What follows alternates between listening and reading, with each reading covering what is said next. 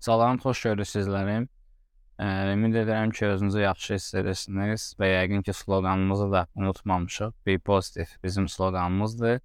Yeni izləyənlər də bilsinlər ki, bizim şüarımız budur və biz istəyirik ki, ətrafımızda olan insanlar daim ə, şən ruhda və pozitiv olsunlar. Baxmayaraq ki, ətrafımızda baş verən neqativlərə görə biz özümüzü ə, pozitiv ruha yükləyirik.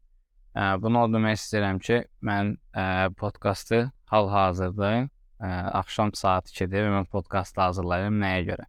Çünki ə, qonşuda gedən təmirə görə mən gün ərzində ə, səs yazı edə bilmirəm və ona görə də hal-hazırda sizlər üçün podkast hazırlayıram.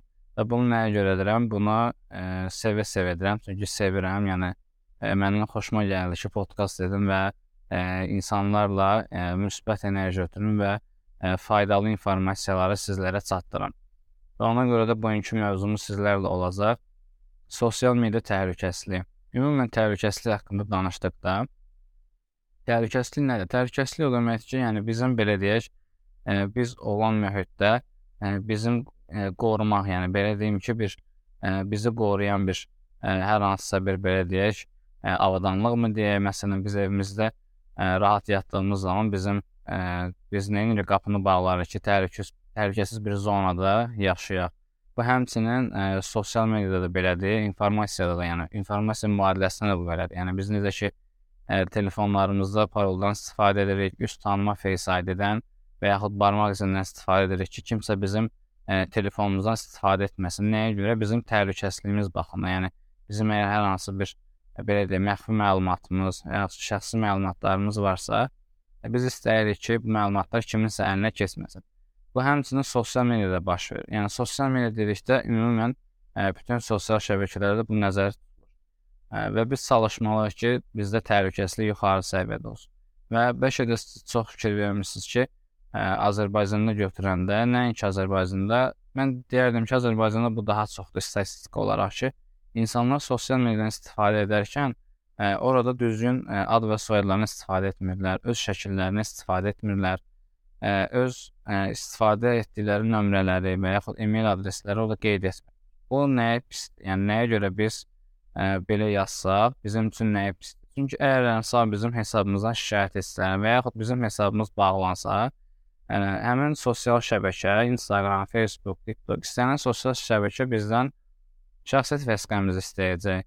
Yəni hesabda nömrə və e-mail olmayanda çətin olacaq. Nəyə görə? Çünki onlar bizə e-mail göndərəcək, bildiriş göndərəcəklər ki, məsələn, Elanda sənin Instagram hesabın bu səbəbdən bağlanır, şikayətdən dolayı və yaxud etdiyin paylaşımlardan dolayı və yaxud kimisə təhqir etmisənsə, bu bu ə, bu səbəblərdən sənin hesabın bağlana bilər.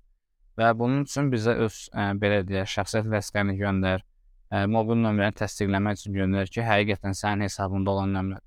Artıq bunlar olmayanda bizim hesabda mobil nömrə və e-mail adresi ə, artıq bizim hesabımız bağlanır və əfsuslar olsun ki, biz ə, nə qədər sübut etməyə çalışsaq da ki, bu hesab bizə məxsusdur, Instagram bunu qəbul etməyəcək və yaxud digər sosial şəbəkələr bunu qəbul etməyəcək. Nəyə görə? Çünki biz öz ad və soyadımızdan istifadə etməmişik, öz şəklimizdən istifadə etməmişik və yaxud paylaşdığımız postlarda ə, bizim şəklimiz yox. Və Instagram əfsuslar olsun ki, və yaxud digər sosial şəbəkələr bunu qəbul etmirlər və sizin hesabınız demək olar ki, bir dəfəlik bağlanır.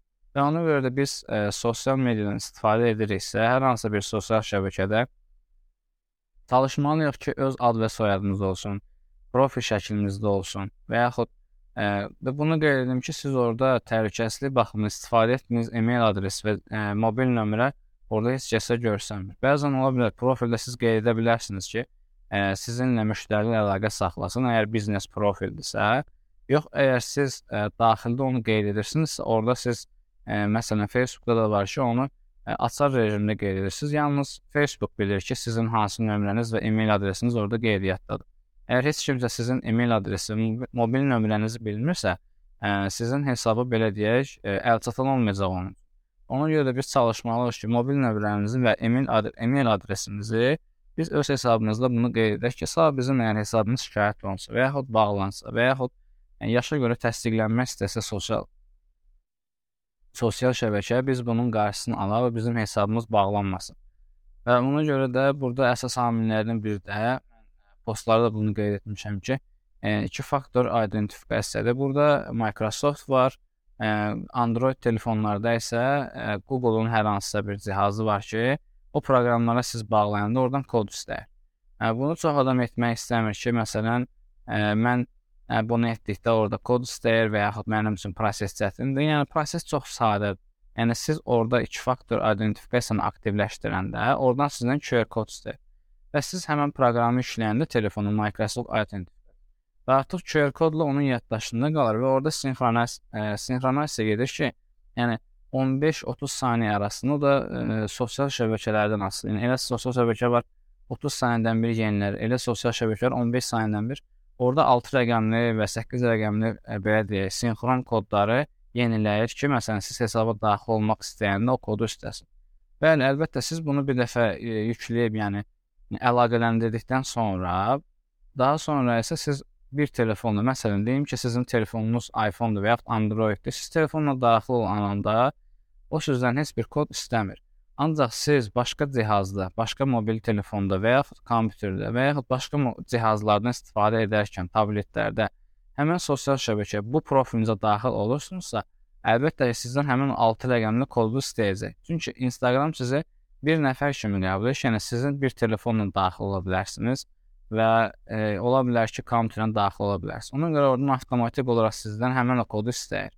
Və bu da əlbəttə ki, təhlükəsizlik baxımından yaxşıdır ki, lap deyərik ki, sizin hər hansısa bir məlumatlarınız, belə deyək, telefon və ya e-mail adresiniz kiminsə əlinə keçibsə və sizin hesabı ələ keçirmək istəyirsə, burada olan 6 rəqəmli və 8 rəqəmli kodlar istəndiyinə görə həmin şəxslə sizin hesabı ələ keçirə bilməyəcəklər.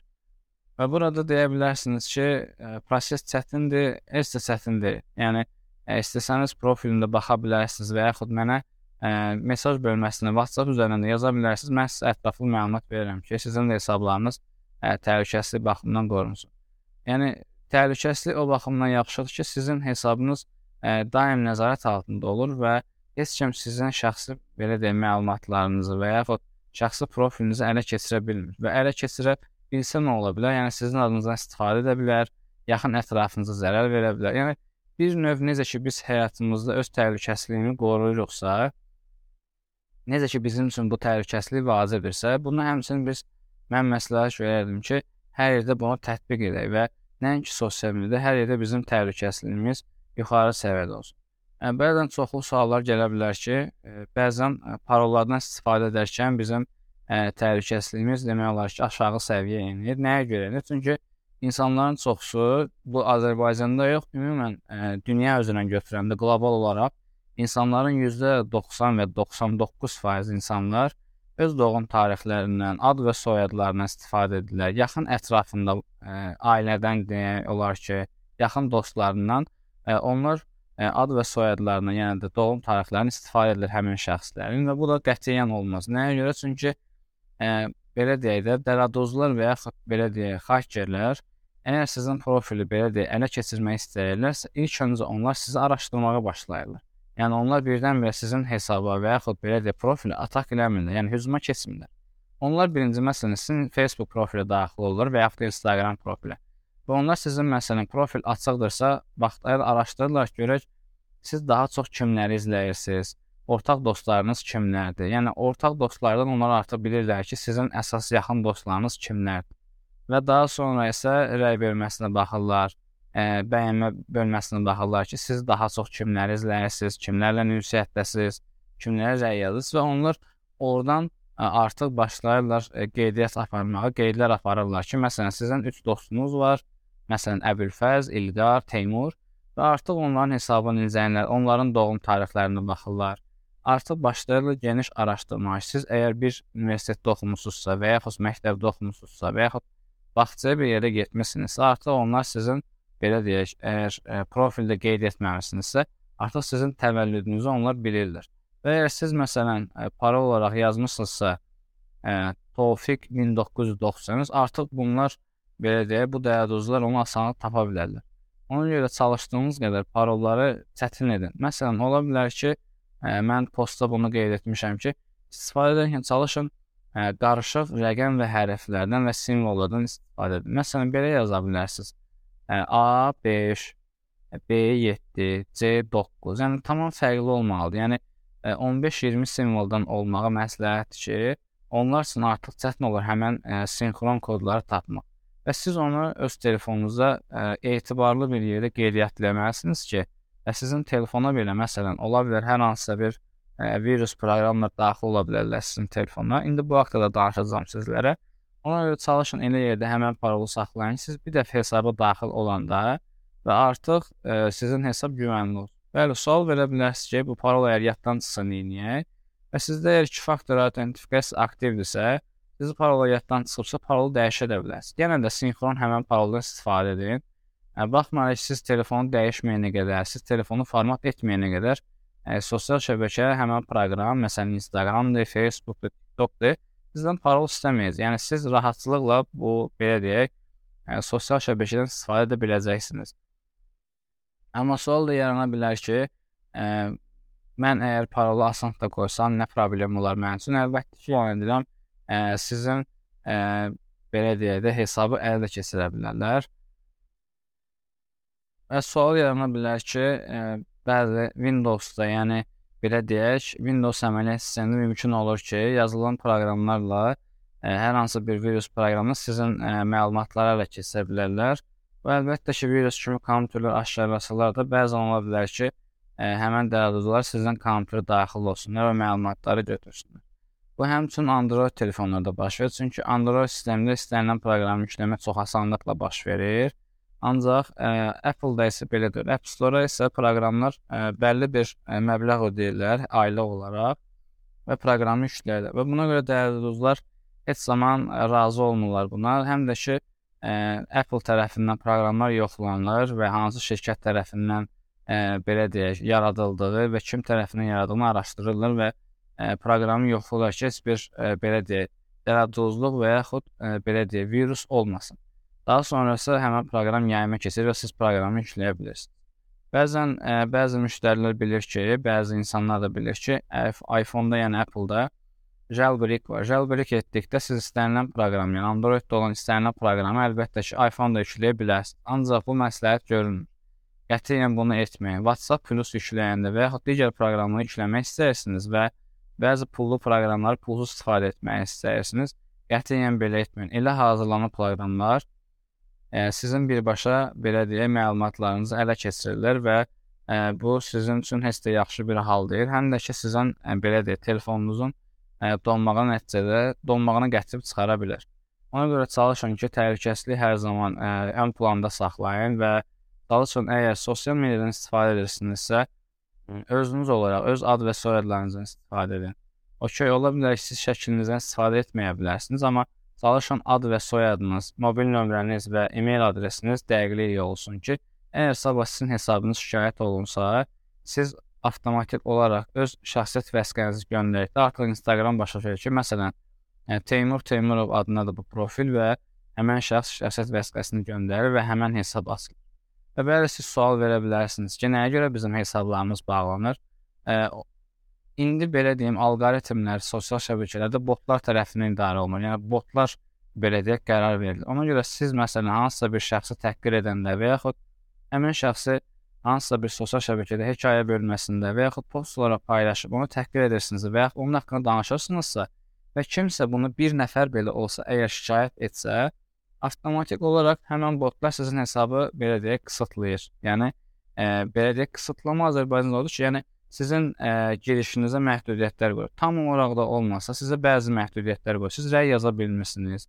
Kiməsə izləmə göndərə bilmirsiniz və yaxud sizi izləmə ə, izləməyə almaq olmur. Yəni bir növ spama düşmüş olursunuz. Yəni siz artıq ə, bəlirli bir ə, şeylərdən istifadə edirsiniz. Yəni Instagramda məsəl üçün daxil olub postları izləyə bilirsiniz, ancaq ə, rəy yazıb, bəyənmədir və kiməsə izləmə göndərə bilmirsiniz. Və bu da ə, bir günlük ola bilər, bir həftəlik, bir aylıq baş verə bilər. Yəni bu da pozduğumuz qaydanın asılıdır.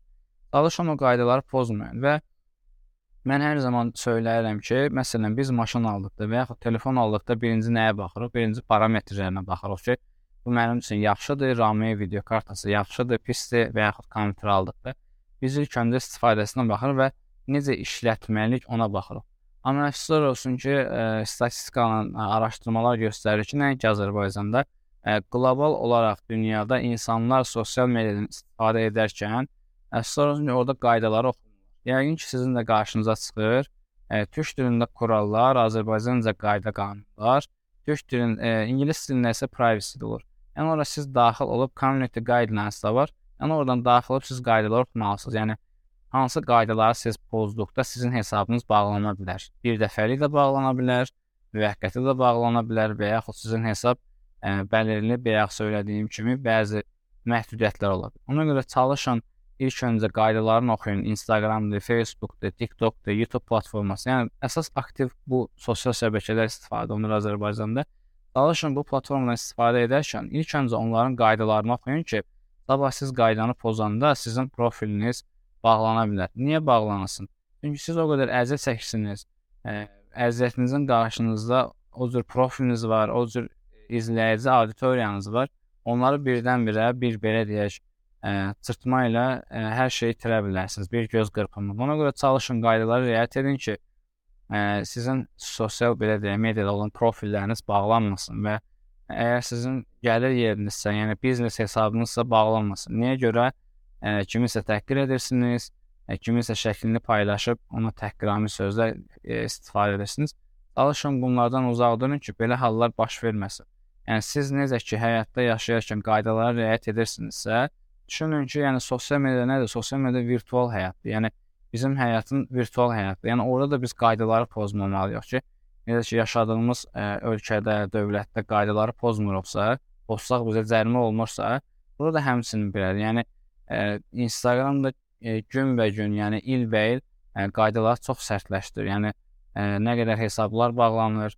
Ona görə çalışmaq lazımdır ki, biz ə, belə deyək, öz təhlükəsizliyimizi qoruyaq ki, Yəni kimisə gözləməyək, kimsə gəlsin bizə desin ki, sənin hesabında təhlükəsi aşağı səviyyədə, gəl bunu yuxarı səviyyəyə qaldır. Yəni biz bunu özümüz araşdırmalıyıq ki, bizim səhifədə hansı problemlər var və onları necə aradan qaldıra bilərik.